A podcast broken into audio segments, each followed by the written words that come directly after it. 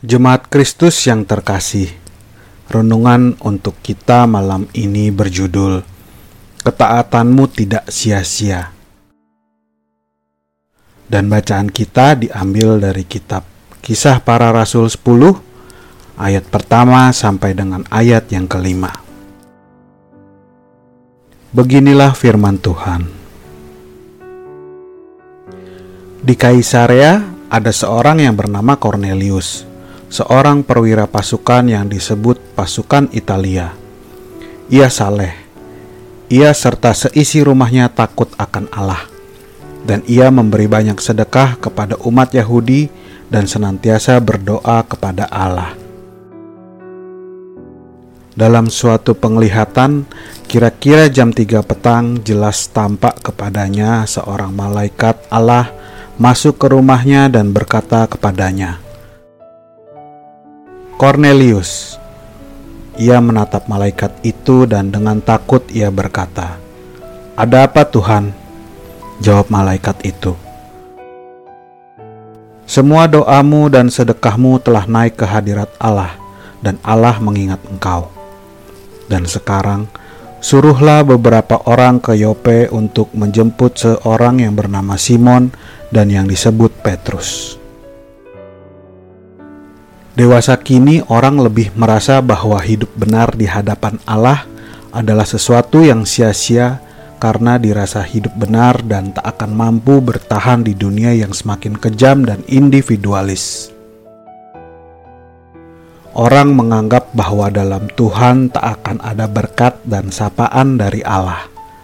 Oleh karena itu, banyak orang yang akhirnya jatuh dalam dosa dan meninggalkan Allah. Namun kisah Cornelius yang menjadi bacaan kita saat ini menjadi tanda dan sekaligus teguran bagi kita yang sudah mulai malas untuk hidup benar di hadapan Allah.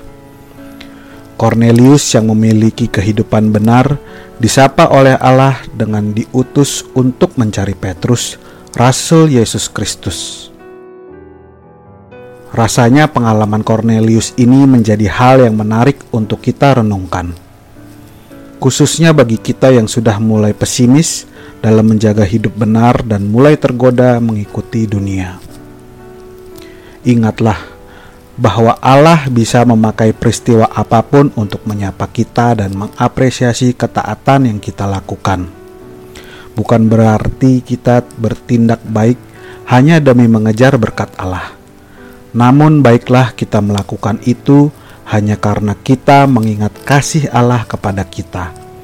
Dan bila berkat Tuhan hadir dalam kehidupan kita, rasa syukur yang seharusnya akan membuncah dan memenuhi hati kita, bukan rasa sombong karena sudah melakukan ini dan itu. Kiranya kita juga memiliki ketaatan seperti Cornelius saat penglihatan itu menyuruhnya mencari Petrus. Bukankah itu sebuah wujud ketaatan yang luar biasa, di mana hanya ada sedikit petunjuk akan siapa itu Petrus? Namun Cornelius tetap berupaya mencarinya. Ada banyak contoh teladan orang yang hidup dalam ketaatan selalu mendapatkan pertolongan dari Tuhan. Jangan takut itu sia-sia, teruslah setia. Demikianlah renungan malam ini. Semoga damai sejahtera dari Tuhan Yesus Kristus tetap memenuhi hati dan pikiran kita. Amin. Jemaat yang terkasih, mari kita bersatu hati, masing-masing menaikkan pokok-pokok doa yang ada di dalam gerakan doa 21 GKI Sarwa Indah. Mari kita berdoa.